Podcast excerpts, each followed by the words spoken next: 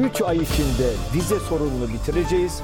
Türkiye'de her vatandaş artık Avrupa Birliği'ne vizesiz girecek. Kılıçdaroğlu'nun seçim vaadi olarak dile getirdiği bu sözlerle Avrupa Birliği süreci tekrar gündeme geldi. Oysa ki Avrupa Birliği sürecinde en son şu noktadaydık. Aslına bakarsanız bizim Avrupa Birliği üyeliğine ihtiyacımız da kalmamıştır ha.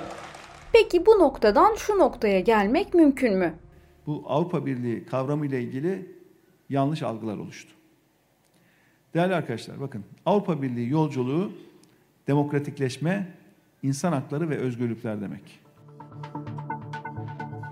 Avrupa Birliği meselesi ara ara farklı reaksiyonlarla gündeme gelse de sorun 60 küsür yıllık derin bir konu. Ben Kısa Dalga'dan Yeşim Özdemir. Bu podcast dosyasında Millet İttifakı'nın Cumhurbaşkanı adayı Kemal Kılıçdaroğlu'nun seçim vaadi olarak öne sürdüğü vize serbestisi vaadi üzerinden Türkiye'nin Avrupa Birliği üyelik sürecini tartışıyoruz. Bakalım uzmanlara göre vize sorunu 3 ayda çözülür mü? Türkiye-AB ilişkisi nasıl başladı, şimdi hangi noktada? Ve tabii bu seçim Türkiye-AB ilişkileri için bir dönüm noktası olabilir mi?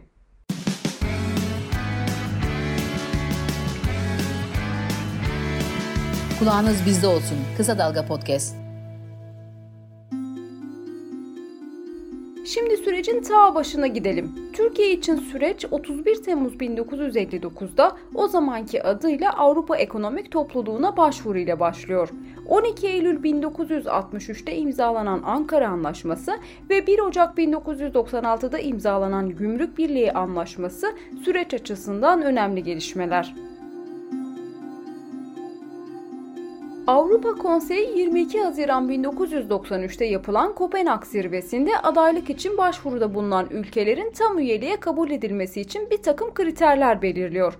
Adına Kopenhag kriterleri denen bu kriterler bir dizi siyasi ve ekonomik kriterler içeriyor. Aday ülkeler için belirlenen bu temel kriterlere tabii ki Türkiye'nin de uyması bekleniyor. Aralık 1999'daki Helsinki zirvesinde Türkiye Avrupa Birliği'ne aday ülke ilan ediliyor. Böylelikle resmi olarak adaylık statüsü elde edilmiş oluyor. Türkiye'nin Helsinki zirvesinde aday ülke ilan edilmesinden sonra Türkiye'yi 3 Ekim 2005'e yani tam üyelik müzakerelerine götüren bir dizi gelişme yaşanıyor. Türkiye'yi Avrupa Birliği'ne bir adım daha yaklaştıran tam üyelik müzakerelerinin ardından yaşanan gelişmeleri Anadolu Üniversitesi Uluslararası İlişkiler Bölümü öğretim üyesi doçent doktor Erhan Akdemir şöyle özetliyor. Avrupa Parlamentosu'nda e, 2004 yılında Aralık ayında e, Avrupa Parlamentosu milletvekilleri ellerinde dövizlerle Türkiye ile üyelik müzakerelerinin başlaması için tarih verilmesi gerektiğine yönelik evet dövizleri açmışlardı. Türkçe, İngilizce, Fransızca, Almanca kendi dillerinde parlamenterler evet dövizleri açarak Türkiye'ye olan desteklerini göstermişler. Tabi burada özellikle sosyal demokrat, Avrupa Parlamentosu içindeki siyasi gruplar için söylüyorum. Sosyal demokratlar, liberaller, yeşiller gibi siyasi yelpazedeki siyasetçiler Türkiye yönelik e, olumlu bakış açısı seyretmişti. E, Türkiye 99'da başladığı sürecini 2005'e getirdi ve e, bunun karşılığında da e, Türkiye ile Avrupa Birliği'ne katılım müzakereleri başladı. E, 35 müzakere başlığı var şu anda. Bunlardan bir tanesi geç, e, faz, müzakereler açıldı. Bir tanesi geçici olarak kapandı. Bilim e, ve e, eğitim konu başlığı. Onun dışındaki konu başlıkları Güney Kıbrıs Rum yönetimi e, ve Türkiye ile siyasi e, sorunlardan dolayı e, tam olarak e, kapatılamıyor. Ama müzakere açılan başlık sayısı 16. Akademisyen Erhan Akdemir, Türkiye'nin 2005'te başlayan müzakere sürecinin çeşitli siyasi engellemelere rağmen olumlu seyrettiğini belirtiyor. Hukukun üstünlüğü, kuvvetler ayrılığı, temel hak ve özgürlükler alanında yapılan çeşitli düzenlemelerle reform sürecini başlattığını AB'ye göstermeye çalışan Türkiye, Avrupa Komisyonu raporlarına da yansıyan artı puanları toplamaya başlıyor. Ancak ilerleyen yıllarda Türkiye'yi demokrasiden uzaklaştıran bir dizi siyasi gelişme puanları sıfırlamakla kalmıyor, müzakere sürecini de durma noktasına getiriyor. 2015'e kadar iyi bir şekilde gittiğini görüyoruz. Yani Türkiye ile Avrupa Birliği arasındaki müzakereler en azından istenilen hızda olmasa bile tamamen kopma noktasına gelmemişti.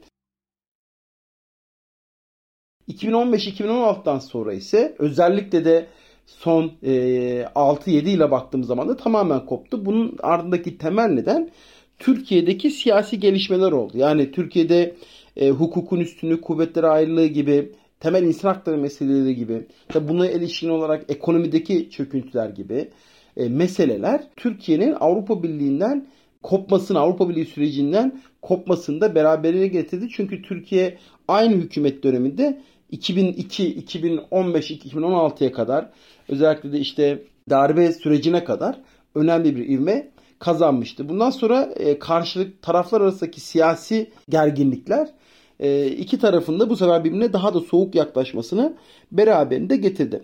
E, o anlamda Türkiye 2016 özellikle de 2018 sonrasında çok ciddi olarak Avrupa Birliği sürecini rafa kaldırdı. Kopenhag kriterlerinin e, devamı rafa kaldırıldı. Türkiye'de reform süreci tamamen rafa kaldırıldı. Avrupa Birliği'nin ve daha doğrusu evrensel değerler ışığında hukukun üstünlüğü, kuvvetler ayrılığı, insan hakları, kadın hakları gibi meselelerde e, Türkiye ciddi e, gerilemeler yaşadı. Bugün de Türkiye-AB ilişkilerinde bunun e, bunun neticelerini görüyoruz. Tabi müzakere sürecindeki bu olumsuz gidişat Türkiye'nin AB üyeliğine sıcak bakmayan ülkelerin de itirazlarını daha yüksek sesle dile getirmelerine neden oldu. Dahası Avrupa Parlamentosu'nda Türkiye'ye destek veren ülkelerin ve siyasilerin de düşüncelerinde önemli ölçüde değişiklikler oldu. Türkiye destekçileri her fırsatta Türkiye'nin demokrasi ve uluslararası hukuk ilkelerine uyması gerekliliğini hatırlatmak zorunda kaldılar. Örneğin Bavyera İçişleri Bakanı Herman birkaç yıl önce Deutsche Welle Türkçe'ye verdiği röportajda Türkiye'nin AB üyeliğiyle ilgili düşüncelerini şöyle aktarıyor. Türkiye ile sıkı bir ortaklıktan yanayız ama Türkiye'nin Avrupa Birliği'ne tam üye olamayacağını savunuyoruz. Erdoğan'ın dayanılmaz politikaları nedeniyle sorunlar konusunda daha büyük bir farkındalık oluştu. Herman Erdoğan'ı işaret ederek Türkiye Avrupa Birliği'nin üyesi olamaz diyor. Cumhurbaşkanı Erdoğan ise Türkiye karşıtlarına da Avrupa Birliği'ne de had bildirmekten geri durmuyor. Her fırsatta bizi oyalarsanız gereğini yaparız mesajı veriyor. Avrupa Birliği kapısında 52 yıldır bizi süründürdüler. Hala aynı şeyi yapıyorlar. Ama biz de onlara gerekeni gerektiği zamanda cevabını vereceğiz. Onda buradan yine aynı şekilde sesleniyor. Erdoğan bizi süründürdüler diyor ama bu sürüncemede kendisinin katkısı büyük. 2015'e kadar elinde Avrupa Birliği'ne karşı kullanabileceği bir koz bulunmayan Erdoğan için Suriye'deki iç savaştan kaçıp Türkiye'ye sığınan ve Türkiye üzerinden Avrupa'ya iltica etmeye çalışan milyonlarca mülteci Avrupa Birliği'ne karşı kullanabileceği büyük bir koz oldu. Ey Avrupa Birliği! Kendinize gelin kapıları açarız. 3,6 milyon mülteciyi sizlere göndeririz. Suriye'deki iç savaştan kaçarak Türkiye'ye sığınan mülteciler ileride Türkiye-AB ilişkilerinde pazarlık konusu olacaklarını düşünüyorlar mıydı bilmiyorum. Ama sığınmacılara tırnak içinde şefkatli kollarını açan Erdoğan her fırsatta Avrupa Birliği ile görüşmelerinde sığınmacıları pazarlık konusu etmekten geri durmadı. Çünkü Avrupa'nın Suriyeli mültecileri büyük bir tehdit olarak gördüğünü biliyor. Brüksel'den araştırmamıza katkı sunan Liège Üniversitesi Hugo İklim ve Göç Gözlem Evi'nden doçent doktor Başak Yavcan, Türkiye-AB ilişkilerindeki göçmen krizine ilişkin şunları söylüyor. 2015 yılında özellikle Suriye'deki artan çatışmayı takiben e, Türkiye üzerinden Ege Denizi'nden Yunanistan'a geçişler ciddi oranda arttı. Bu artışla beraber Avrupa Birliği'nde pek çok ülke başta Almanya, Fransa gibi e, temel hedef ülkeler e, olmak üzere Suriyeli sığınmacıların bu fazla geçişinden Ege üzerinden geçişinden büyük kaygı duymaya başladılar. E, 1 milyona aşkın Suriyeli sığınmacı örneğin Yunanistan'a sığınma başvurusunda bulundu. Aynı zamanda biliyoruz ki Ege adalarından bu geçişler e, ne yazık ki e, pek çok batan e, botlar sebebiyle e, pek çok insanın hayatını kaybetmesine de yol açtı. Bir yandan da normatif olarak bu Avrupa Birliği açısından bir utanç e, kaynağı haline geldi. Doçent Doktor Başak Yavcan'ın dediği gibi Avrupa için ya da Türkiye için bir utanç kaynağı haline geldi mi bilmiyorum. Ama güvencesiz yollarla sınırları geçmeye çalışan Suriyeli mültecilerin kıyıya vuran cansız bedenleri insanlık tarihine kara bir leke olarak düştü. Bodrum'da kumsala vuran 3 yaşındaki Aylan Kürdi adlı çocuğun cesedi savaştan dolayı evlerini terk eden Suriyeli mültecilerin yaşadığı dramı bir kez daha gözler önüne serdi. Aylan bebeğin Bodrum kıyılarına vuran cansız bedeni uluslararası arenada da tepkilere neden oldu. Ancak tepkiler aynı yıl içinde 4176 sığınmacının daha Akdeniz'de boğularak ölmesini ya da kaybolmasını önleyemedi. Top Etü Siyaset Bilimi ve Uluslararası İlişkiler bölümünde de çalışmaları devam eden doçent doktor Başak Yavcan, mülteci kriziyle ilgili Türkiye-AB arasında imzalanan mülteci mutabakatına dikkat çekiyor. 18 Mart 2016 tarihinde Türkiye ve Avrupa Birliği arasında e, mülteci mutabakatı dediğimiz bu anlaşma imzalandı. Bu anlaşmanın e, çeşitli maddeleri vardı. E, bu ama anlaşmanın temelinde e, elbette ki her iki tarafında taahhüt ve beklentilerine bakacak olursak temelinde Türkiye'nin sınırlarını kuvvetlendirmek suretiyle Suriyeli sığınmacıları kendi sınırları içerisinde tutmak ve e, daha fazla Suriyeli sığınmacının Türkiye'ye geçişini engellemesi vardı. Bunun karşılığında da e, Türkiye'de bulunan sığınmacıların ihtiyaçlarını karşılamaya destek olmak ve sınır güvenliği arttırmanın oluşturduğu maliyetleri karşılamak üzere Avrupa Birliği Türkiye'ye 3 artı 3 6 milyar euroluk bir fon paketi taahhüdünde bulundu. Cumhurbaşkanı Erdoğan taahhüt edilen bu miktarın sağlanmadığını ve AB'nin mülteciler konusunda sorumluluk almadığını söyledi. 3 artı 3 milyar avro ilk etapta biz size bir destek vereceğiz. Peki şu ana kadar ne verdiler? Şu ana kadar dediğim gibi 1 milyar 750 milyon avro verdiler. Nerede gerisi? Yok.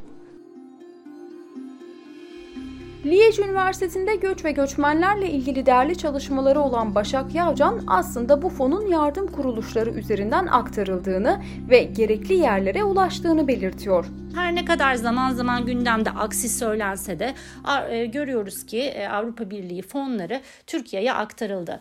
Buradaki şikayet konusu e, Türk devlet kurumları üzerinden bu fonların aktarılmamasıydı. Bu kısmı olarak gerçekleştirildi. Fonların bir kısmı Milli Eğitim Bakanlığı, Sağlık Bakanlığı, e, Milli Savunma Bakanlığı gibi e, farklı bakanlıklarla gerçekleştirilen İçişleri Bakanlığı gibi gerçekleştirilen e, proje bazlı işbirlikleriyle oldu ciddi bir kısmı da özellikle uluslararası kuruluşlar, Birleşmiş Milletler, Mülteciler Yüksek Komiserliği gibi ve bunların e, desteklediği e, sivil toplum kuruluşları üzerinden gerçekleşti. Avrupa Birliği'nin sığınmacılara yönelik külfet paylaşımı çerçevesinde Türkiye'deki mülteciler için mali yardım programı adında bir e, fon oluşturuldu ve bu paketin mültecilerin ihtiyaçlarına yönelik dağıtımı koordine edildi. Dediğim az önce de belirttiğim gibi bu paket sadece mültecilere değil aynı zamanda mültecilere ev sahipliği yapan yani Türkiye özelinde Suriyeli sığınmacılara ev sahipliği yapan yerli halkın ihtiyaçlarına da yönelik şekillendirildi. Erdoğan'ın kızdığı konu da tam olarak bu aslında. Yani paranın direkt kendilerine verilmesi yerine yardım kuruluşlarına verilmesi ve çalışmalar dahilinde proje beklenmesi. Ve bunu da bizim bütçemize vermiyor ha. Bunu uluslararası kuruluşlar vasıtasıyla Kızılay'a veya AFAD'a bu arayla veriyor. İkide bir şimdi karşımıza çıkıyorlar şunu söylüyor. Hani proje? Ya proje dediğin şey ne? Gel kilise, projeyi gör. Hem bu fon krizi nedeniyle hem de araya giren başka siyasi krizler nedeniyle Türkiye-AB arasındaki gerginlik iyice tırmandı ve Erdoğan Avrupa Birliği'ni sınır kapılarını açmakla tehdit etti. Bana bak, eğer daha ileri giderseniz bu sınır kapıları da açılır. Bunu da bilesiniz. Bunu da bilesiniz. Sonunda beklenen oldu ve Erdoğan elindeki mülteci kozunu Avrupa Birliği'ne karşı kullanarak Suriyeli mültecilere sınır kapılarını açtı. Ne dedik aylar önce? Eğer bu böyle giderse biz kapıları açmak zorunda kalacağız. Rahatsız oldular. İnanmadılar bizim bu söylediklerimize. Ve biz de dün ne yaptık?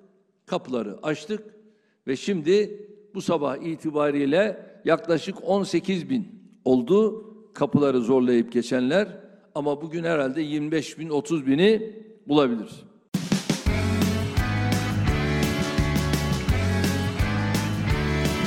Kulağınız bizde olsun. Kısa Dalga Podcast.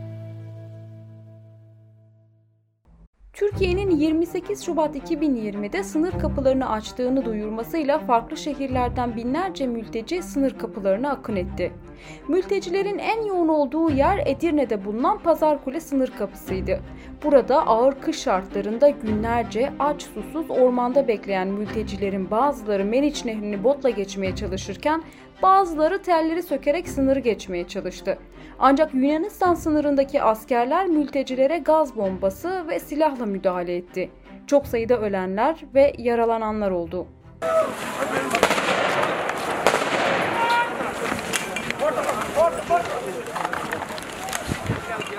Pek bir şey yapmayacaklar. Bir de anlaşma yapacaklar. Ondan sonra gene bozacaklar. Böyle bizle siyaset oynuyorlar. Bize silah gibi kullanıyorlar. Günler süren gergin bekleyişin ve çatışmanın ardından mülteciler bir kez daha uluslararası ilişkilerde piyon olarak kullanıldıktan sonra kaderlerine terk edildiler. Dönelim Türkiye ve AB arasında imzalanan mülteci mutabakatına. Doçent Doktor Başak Yavcan bu anlaşmada vize serbestisi için Türkiye'den beklenenleri ve Türkiye'nin bu beklentileri karşılayıp karşılamadığına ilişkin şunları söylüyor. E, bu mutabakat Türkiye'nin AB süreciyle alakalı olarak AB'ye üyelik süreciyle alakalı olarak iki ayrı konuyla ilişkilendirildi.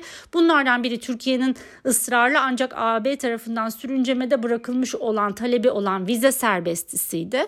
E, Türkiye'nin bu konudaki e, talebi 72 maddelik bir yol haritasının gereklerini yerine getirilmesine bağlandı.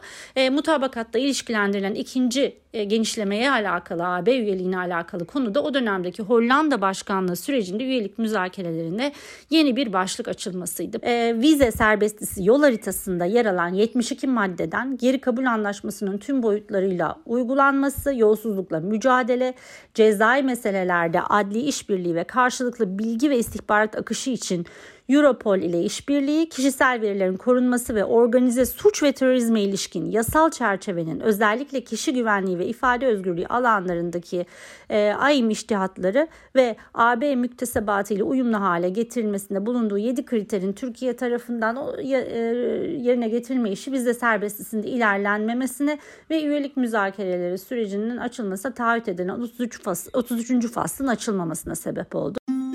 Emekli Büyükelçi Selim Yenel de Medyaskop'ta katıldığı bir programda Türkiye-AB ilişkilerinin çok iyi giderken nasıl tersine döndüğünü ve gitgide kötüye gitmeye başladığını şöyle anlatıyor. 2016'da bir göç anlaşmasını yapmıştık. Ee, işte vize anlaşması yapacaktık. Ondan sonra gümrük birliğini modernize edecektik falan. Her şey çok olumlu giderken pat diye önce e, Başbakan Davutoğlu görevden alındı. Arkasından e, işte 15 Temmuz olayı oldu ve işler tepe taklak gitti. Ondan sonra bir türlü düzelemedi. İşte Avrupa Birliği'nin bize yönelik eleştirileri başladı. Ee, insan hakları, e, temel haklar, ifade özgürlüğü, hukukun üstünlüğü bu konularda hep gerileme olduğunu söyledi. 1994-99 yılları arasında Brüksel'deki Türkiye Avrupa Birliği temsilciliğinde de görev yapmış olan diplomat Yenel, Avrupa Konseyi'nde sunulan son raporda Türkiye'nin AB'den gittikçe uzaklaştığının belirtildiğini söylüyor. Ee, orada ilginç olan iki nokta var. Bir tanesi e, Türkiye'nin aday olarak durduğunu söylüyor. Yani hmm. remains diyor, duruyor yani. Ama son satırında da diyor ki e, Türkiye gittikçe uzaklaşıyor bizden. E, ve bu yıllar boyunca artan şekilde gözüküyor. Ee, ve bu e, bildirgede yani bu yılın son e, zirvesinin Türkiye ilişkin bölümü oldukça kapsamlı. Daha önceki o kadar değildi. Bu sefer bayağı kapsamlı ve genellikle olumsuz. Emekli Büyükelçi Selim Yenel'in de vurgu yaptığı gibi Türkiye'deki bir dizi siyasi kriz Türkiye-AB ilişkilerini tamir edilemez bir noktaya getirdi. 15 Temmuz darbe girişimi, göçmenler krizi, Türkiye'nin ahim gibi üst mahkemelerin kararlarını tanımadığı hukuki kararlar, siyasi tutuklular meselesi, basın özgürlüğü ve ifade özgürlüğünün gerilemesi, temel hak ve özgürlüklerin kısıtlanması, anayasa değişikliği gibi gibi Türkiye'yi demokrasiden uzaklaştıran bir sürü olay ve antidemokratik uygulamalar Avrupa Birliği üyeliğinin rafa kaldırılmasına neden oldu. Siyaset bilimci Alpan Telek, Türkiye-Avrupa ilişkilerini olumsuz etkileyen bir başka olaya, Gezi direnişine dikkat çekiyor. Erdoğan'ın açıklamalarıyla birlikte Erdoğan'ın AB'ye karşı olan yaklaşımı ve politikaları ve hükümetinde bunu sıklıkla göstermeye başlaması, özellikle e, bu AB perspektifi yitirildikten sonraki süreçten bahsediyorum. Yani 2010'dan sonraki süreç diyelim. Bu süreçte tabii oldukça geriletici bir etkiye sahip oldu ama tabii kırılma noktalarından biri e, en önemli anlardan biri Gezi Parkı protestoları. Çünkü 2013 yılında yaşanan bu protestolar öncesinde e, Erdoğan e, ve Erdoğan'ın belki de inşa ettiği değerler ağı, siyasi değerler ve dış politik değerler ağı temel bir unsura dayanıyordu. O da şuydu, hem Müslüman hem demokrat olunabilir. Dolayısıyla Avrupa Birliği'nin de Avrupa Birliği ülkelerinin nezdinde de işe gelen bu politik açılım 2013 yılına geldiğimizde e, zaten bir ölçüde e, yara almıştı. Türkiye'deki iç siyasetteki otoriterleşme eğilimlerinden ötürü ve Erdoğan'ın bazı tavırlarından ötürü ama halen devam eden bir perspektif vardı. Fakat Gezi Parkı protestoları zannediyorum önemli bir köşe taşı oldu. Çünkü sadece e, Avrupa Birliği özelinde değil ama aynı zamanda Orta Doğu'da da ve Kafkaslar'da dahi Türkiye'de bu Türkiye'de yaşanan bu protestolar önemli bir ses getirdi ve tabii ortaya şu çıktı. Müslüman demokrasi ya da İslami demokrasi denilen kavramın demokratik yönünün çok da kuvvetli olmadığı, tam tersine bir eğilim taşıdığı e, ortaya çıkmış oldu. Türkiye'nin Avrupa Birliği üyeliğini olumsuz etkilediği söylenen bir başka konu da İslamofobi. Türkiye'li siyasetçilere göre üyelik müzakerelerinin ilerleyememesinin tek nedeni Türkiye'nin Müslüman bir ülke olması. Tek sebebi var. Biz Müslümanız. Bizim Müslüman olduğumuz için almıyorlar. Dışişleri Bakanı Mevlüt Çavuşoğlu da benzer bir açıklama yaparak şimdiye kadar AB üyeliği sürecinde hiçbir siyasi sapma olmadığını, tek nedenin İslamofobi olduğunu dile getiriyor. Avrupa Birliği'ne üyelik konusunda biz bugüne kadar hiç siyasi bir e, sapma yaşamadık. Bir tek problemimiz var bizim. Avrupa Birliği bugüne kadar e, üyelik e, sürecinde e, teknik engellerden çok siyasi engeller koyduğu için burada bir ilerleme e, maalesef e, istediğimiz bir ilerlemeyi sağlayamadık. Bir Müslüman olduğumuz için. En büyük de şey bu. İki, iki bana göre daha da büyük korkuları. Şu anda İslamofobiya e, evet. ön planda olduğu için belki Müslüman olmamız e, biraz daha ağır basıyordur. Almak istemeyen ülkeler için. İstanbul 29 Mayıs Üniversitesi Siyaset Bilimi ve Uluslararası İlişkiler Bölümü öğretim üyesi Profesör Doktor Özgür Ünal Eriş de İslamofobinin Türkiye-AB ilişkilerinde daimi bir engel olarak kalacağını belirtiyor. Türkiye'nin e, çoğunluğu Müslüman bir ülke olarak Avrupa Birliği'nde özellikle de İslamofobinin daha da fazlalaştığı ve daha e, muhafazakar e, hükümetlerin ön plana çıktığı sosyal demokratlar yerine hatta bazı durumlarda ırkçı bazı söylemleri olan partilerin bile başarılı olabileceği bir ortamda mesela Fransa bundan sonraki seçimlerde Le Pen'in oyunun daha fazla artacağı düşünülüyor mesela. İşte aynı şey İtalya'da da gördük. Yeni başbakanın daha böyle ırkçı bir partiden geldiğini de biliyoruz. Şimdi böyle bir ortamda o zaman acaba Türkiye'nin nüfusu da bir e, sıkıntı oluşturur mu? E, bunu da biraz indel, irdelemek lazım tabii ki. Yani çünkü her türlü sorun çözülse de Türkiye'nin Müslüman nüfusu büyük bir e, sayıya sahip olması hep Avrupa Birliği ve Türkiye ilişkilerinin önünde bir engel olarak kalacak. Profesör Doktor Özgür Ünal Eriş, İslamofobinin yanı sıra Türkiye'nin kalabalık bir ülke olması nedeniyle de AB için bir tehdit oluşturduğunu ifade ediyor. Çünkü Türkiye AB üyesi olursa parlamentoda en çok milletvekili sayısına sahip olacak. Şimdi bütün bu problemler, kriterler bir yana aslında Avrupa Birliği'nin aday ülkelerden talep ettiği kriterlerin tamamını karşılamadığı halde Avrupa Birliği'ne üye olan ülkeler de var. Sonuçta bir siyasi karardan bahsediyoruz. Yani e, Hırvatistan girerken de siyasi karardı. Güney Kıbrıs Rum yönetimi de dahil olurken siyasi karardı. Diğer ülkeler girerken de 1 Mayıs 2004'te işte Bulgaristan Romanya'nın girmesi siyasi karardı. Yani Bulgaristan Romanya ne Türkiye Türkiye ile karşılaştırdığımızda ne ekonomik ne siyasi açıdan e, o dönemlerde Türkiye ile karşılaştırılamayacak kadar gerideydi. Ama bu bir siyasi karardı. Bu anlamda Türkiye'nin önündeki en önemli engel şu anda siyasi engel tabii ki. Buraya kadar Türkiye'nin Avrupa Birliği üyelik sürecini başından sonuna tarihsel bir akışla ve bütün yönleriyle ortaya koymaya çalıştık. Şimdi tekrar en başa dönelim. Türkiye-AB ilişkilerini olumsuz etkileyen bunca krize rağmen bu seçim Türkiye-Avrupa Birliği ilişkilerinde dönüm noktası olabilir mi? Tabii yeni iktidar e, gelirse eğer aslında dış politikadaki söylemleri biraz daha batıllaşma yönünde. Yani Türkiye'nin tekrar normatif bir düzene, daha demokratik bir düzene geri döneceğini, özellikle de parlamenter sisteme döndükten sonra Avrupa Birliği'nin temel değerleri olan saydamlaşma, hukuk düzeni, demokrasi, insan hakları gibi kavramların daha ön planda olacağını söylüyorlar. Evet bu güzel fakat bu Türkiye'nin Avrupa Birliği üyeliğine giden bir yol olacak mı aslında? Şimdi burada tabii bir takım sıkıntılar var. Sıkıntılardan bir tanesi aslında özellikle de Türkiye'nin Avrupa Birliği üyeliğinin önünde duran bazı problemlerden kaynaklanıyor. Mesela bunlardan bir tanesi Kıbrıs. Kıbrıs sorunu çözülmediği sürece Türkiye Avrupa Birliği ilişkilerinde de ileri gidileceğini düşünmüyorum. Ve Kıbrıs hangi iktidar gelirse gelsin Türk dış politikasının kırmızı çizgisi. Dolayısıyla orada biraz zorlanma olacak bence.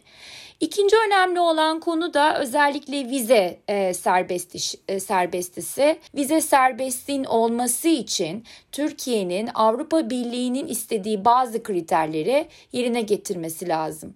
Türkiye geçtiğimiz senelerde bu kriterlerin çoğunu yerine getirdi. Geride sadece birkaç tane kriter kaldı. Ama burada esas yerine getirilmesi gereken kriter ve şu andaki iktidarın da zorlandığı konu terörün tanımı. Terörün tanımı Türkiye ve Avrupa Birliği arasında bazı fikir ayrılıklarına yol açıyor. Avrupa Birliği terörün tanımını biraz daha darlaştırıyor ve özellikle de şiddete dayalı yapılan eylemlerin sadece terör çerçevesi içinde görülmesi gerektiğini söylüyor ve bunun içinde tabii ki Türk kanunlarında bazı değişiklikler olması gerektiğini öne sürüyor. Ama genelde e, Türkiye'nin politikasına bakarsak, perspektifine bakarsak terör tanımı biraz daha geniş. Profesör Doktor Özgür Ünal Eriş, Kılıçdaroğlu'nun Cumhurbaşkanı olsa bile koalisyon ortaklarının farklı ideolojilerde siyasi partilerden oluşması nedeniyle Türkiye-AB ilişkilerinde sorunların devam edebileceğini öngörüyor. Hatırlayalım, Cumhurbaşkanı adayı Kemal Kılıçdaroğlu vize vaadini şöyle açıklamıştı. 3 ay içinde vize sorununu bitireceğiz. Türkiye'de her vatandaş artık Avrupa Birliği'ne vizesiz girecek. Bu sözlere itiraz edildiğinde de Sayın Kılıçdaroğlu şöyle yanıtlamıştı. Türkiye'nin yapabileceği bir şey değil, dışarıdan e, anca planlanabilecek bir şey. Yok Böyle hayır yurt efendim. dışıyla alakalı Bizim bir- yapacağımız şey. Bizim yapacağımız şey onlar. Bizim yap. Siz düşünce özgürlüğüne kısıtlama getirirseniz demokrasi sizin ülkenizde yoktur. CHP Genel Başkan Yardımcısı Onursal Adıgüzel'e vize sorununun 3 ayda çözülüp çözülemeyeceğini sorduğumda konuya ilişkin şöyle demişti. Ee, Biz e, çok hızlı bir şekilde e, Türkiye'deki pasaportumuzun itibarını artıracağımızı her fırsatta söylüyoruz. Gençler artık e, yurt dışına gitmek için kara kara düşünmeyecekler. Vize almak için aylarca kapılarda beklemeyecekler. Bu meseleleri sadece e, trene inip binmek olarak gören bir iktidar var karşımızda. Dönemsel olarak hangisi işine geliyorsa, kendi iktidarını nasıl sürdürebiliyorsa böyle bir fırsatçılıkla davranan iktidar vatandaşımızı burada mağdur etti. Biz Türkiye'yi dünyaya açacak bir stratejiyle geliyoruz ve e, bu çerçevede Avrupa Birliği vizyonumuz da e, hızlı bir şekilde ayağa kaldırılacak. Oradaki eleştiri biraz da bu 3 ay meselesiydi. 3 ayda halledilebilecek meseleler mi sizce bunlar? Ee, Yeşim Hanım e, yeter ki e, vatandaşımız bize güvensin nasıl halledeceğini görürsünüz. E, şöyle anlatayım bunu da. E, bu problemler çözülmeyecek problemler değil. Diyalogla aşılabilecek problemler. Onursal adı güzel 26. yasama döneminde meclisin AB uyum komisyonunda olan bir isim olduğu için konuyla ilgili değerlendirmeleri önemli. Adı güzel bütün bu sorunlar çözülebilir yeter ki öncelikleriniz bu çerçevede olsun diyor. Siyaset bilimci Alpan Telek de Türkiye'nin otoriterleşme eğiliminden demokratikleşme çizgisine yönelmesinin AB ile olan ilişkilerine de ivme kazandıracağını ifade ediyor.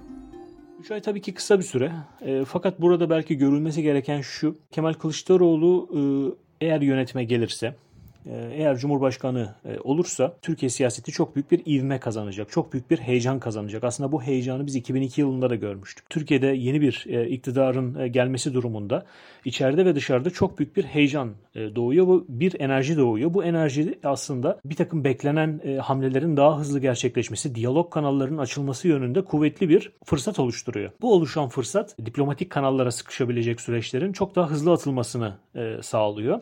E, zannediyorum Kemal Kılıçdaroğlu'nun 3 ayda e, Avrupa Birliği ile olan ilişkilerde e, tamire gideceğinin ve vize serbestisi meselesinin oluşabileceğini söylemesi bu oluşabilecek heyecana bağlıyor. Aslında haklılık payı olduğunu da düşünüyorum. Tabii ki kısa çok kısa süre bazı teknik detayların netleşmesi ve bu teknik detayların sözleşmelere yansıması için belki çok kısa bir süre olabilir. Fakat bu tür bir iktidar değişikliği yani o Türkiye'nin yeniden otoriterleşme eğiliminden demokratikleşme çizgisine yönelmesi hem bölgede hem Avrupa Birliği nezdinde hem de bütün kürede önemli bir örnek oluşturacak ve Türkiye bu örne- önemli örneğin enerjisinden faydalanarak bir takım adımları özellikle AB nezdinde daha kolay atacaktır.